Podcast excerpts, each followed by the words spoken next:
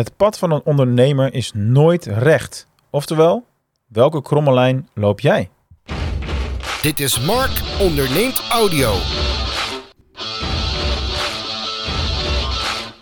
Ja, we maken vandaag even de sprong van de webwinkelsmethode, waar ik het in de vorige aflevering over heb gehad, naar een uh, verhaal wat even tussendoor komt, omdat uh, het ook gewoon leuk is om het over onderwerpen te hebben die je kunt koppelen aan, uh, aan dingen die je dan recent hebt, hebt meegemaakt. En ik vond het wel een mooie metafoor om, om deze te ontdekken. Er is geen rechte lijn. Dat is de naam van de, van de show van vandaag. En dat is eigenlijk ontstaan vanuit het idee, hoe zit het eigenlijk bij bospaden tegenwoordig? Ik was een maandje geleden met mijn, met mijn vader en stiefmoeder aan het lopen in het bos. En mijn vader zei van, hey, ik vind het eigenlijk helemaal niet mooi, die paden die allemaal zo'n rechte lijn hebben. En nou, nooit echt over nagedacht zelf. En hij vond het dan saai en het is natuurlijk avontuurlijker en, mooier als er wat kronkels in, in de paden zitten en je hier een bocht moet en daar een bocht moet en je niet ja, al heel ver vooruit kan gaan lopen kijken waar je nou uiteindelijk uitkomt. Nou, uiteindelijk heb ik daar verder niks mee gedaan. Maar toen ik eergisteren zelf weer een, een, wandeling in een bos aan het maken was, viel het me ook op dat er echt onwijs lange rechte paden waren. En nog wel twee tot drie keer zo lang als wat ik uh, een maandje geleden in een ander bos dus had, uh, had gezien. Toen dacht ik ook van ja, zo'n recht pad, het is toch wel eigenlijk heel erg saai. Ik, ik bedoel, ik kan niet uh, snel naar links of naar rechts. En als het al een keer kan, dan is dat ook weer een recht pad deed me een beetje denken aan het stratenblokmodel wat ze in, uh, in, New York hebben. Het is een soort vierkantjespatroon. En het voelt niet natuurlijk. Dus het voelt niet logisch om in een bos op een heel lang recht pad te lopen.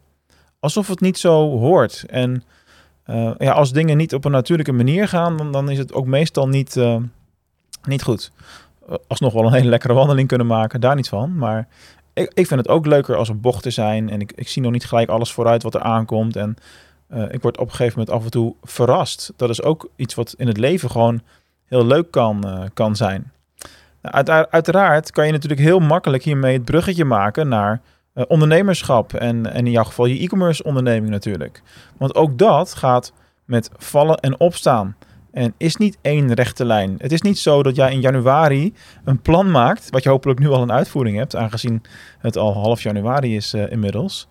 En uh, dat je dan dus maar recht, recht doorgaat en je voert het plan uit en alles gaat precies zoals je het hebt bedacht. En alles komt gewoon uit wat je op hebt geschreven. Dat zouden we soms wel willen natuurlijk, maar dat is gewoon niet de praktijk. En ergens ben ik daar ook wel heel blij mee, want hoe saai zou het zijn als je gewoon een plan maakt je gaat het uitvoeren.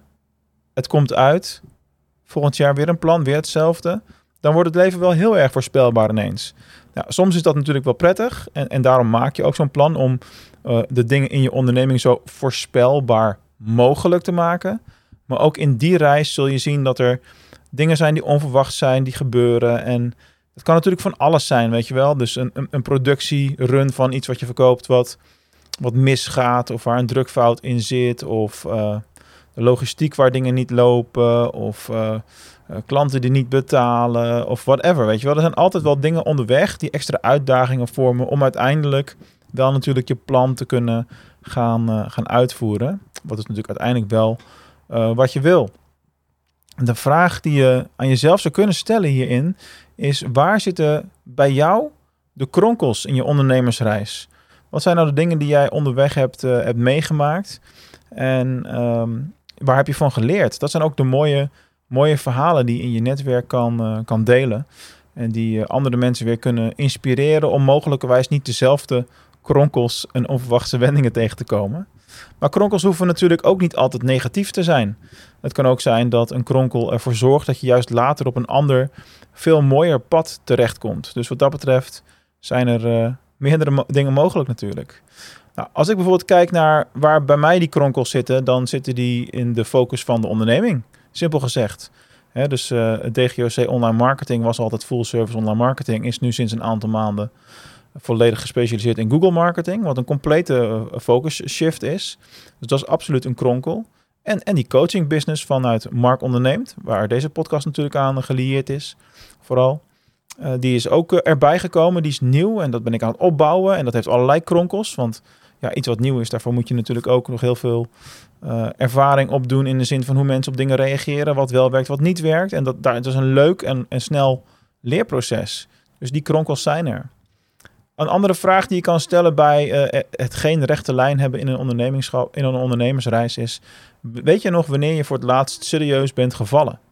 Dus wanneer heb je nou eens een periode gehad in je onderneming dat je echt moest vechten om de boel overeind te houden en dat het allemaal niet bepaald vanzelf kwam? De meeste ondernemers hebben dat echt wel een keer uh, meegemaakt. En, dat, en die uitdagingen die kunnen op allerlei verschillende manieren bij je komen. En de grootste uitdaging die ik in dat opzicht heb uh, gehad in de afgelopen tien jaar ongeveer, is dat ik op een gegeven moment uh, in mijn marketingbureau ja, toch al flink had opgebouwd. Vijf, zes man uh, vast op de loonlijst had staan. maar afhankelijk van twee grote projecten. Dat is altijd een gevaar. Zeker op het moment, en dat gebeurde dus toen een aantal jaar geleden, dat ze tegelijkertijd afgerond werden ja, dan heb je nog steeds wel dat personeel zitten en die hoge kosten die erbij horen. En geheel terecht verwacht zij natuurlijk gewoon dat je dat keurig doorbetaalt. Maar als die inkomsten dan ineens wegvallen die daar eigenlijk bij horen, dan moet je natuurlijk vechten als een, eh, als een malle. Ja, dan komt de volgende vraag die daarbij hoort, is hoe, hoe ben je dan vervolgens opgestaan? En uh, in dit specifieke geval was het bij mij eigenlijk een combinatie van twee dingen. Uh, er zijn mensen in het bestand geweest met tijdelijke contracten die we gewoon niet hebben verlengd. En tegelijkertijd werd er een plan ingezet om om te draaien naar een virtueel kantoor. Dat is nu zo'n twee jaar geleden. En dat is, dat is heel succesvol geweest. En daar zijn we ook heel erg ver mee vooruitgekomen. Dus uh, het is uh, ik, mijn uh, ex-partner en een heleboel um, freelancers die ons helpen in de uitvoering, wat nu ja, de boel draait, zeg maar. En dat is gewoon een heel flexibel systeem. Dat is wat voor ons goed werkt. Dat kan voor jou weer totaal iets, iets anders zijn. En zo is dat voor elke organisatie weer iets anders, afhankelijk ook van de soort uitdaging waar je mee uh, te maken krijgt. Nou, um, uiteindelijk uh, hebben we natuurlijk in die periode ook heel veel focus gehad op sales. Ik bedoel, zo simpel is het dan ook wel weer. Op het moment dat uh, als ondernemer het mes op de keel staat en je hebt hoge kosten, maar de omzet is er niet naar, ja, dan moet je er gewoon meer aan sales doen. Dat is heel simpel. Alleen dat is wel knijter hard werken. En daar moet je toe bereid zijn. En dat is ook iets wat bij het ondernemerschap hoort. Die harde en die moeilijke keuzes durven te maken. Oftewel, er is echt geen rechte lijn. Het gaat altijd anders dan dat je denkt, uh, als dat je uh, verwacht. en jouw taak als ondernemer is, is om het hele proces, zeker als je met een team werkt, zeker als je mensen onder je hebt waar je verantwoordelijk voor bent, om het proces zo voorspelbaar mogelijk te maken. Waarmee je ook rust kunt creëren en groei in je organisatie kunt, kunt creëren. Nou ik heb in de afgelopen twintig jaar natuurlijk enorm veel gezien in allerlei verschillende soorten organisaties. En uh, ja, zeker in de e-commerce uh, organisaties of bedrijven die uh, later met e-commerce als tak erbij zijn gaan werken. Of bijvoorbeeld de bedrijven die B2B verkopen, vroeger nog de orders per fax binnenkregen en nu um, eigenlijk ook vanuit de klant gevraagd hebben gekregen, ja, we willen het eigenlijk allemaal online. dan ja, dan kan ik je daarbij helpen als je in die reis begeleid wil, uh, wil worden. Dat is natuurlijk waar mijn specialisme zit.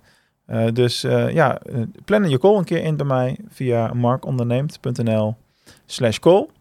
of klik gewoon door vanuit markonderneemt.nl. Dat werkt ook prima natuurlijk.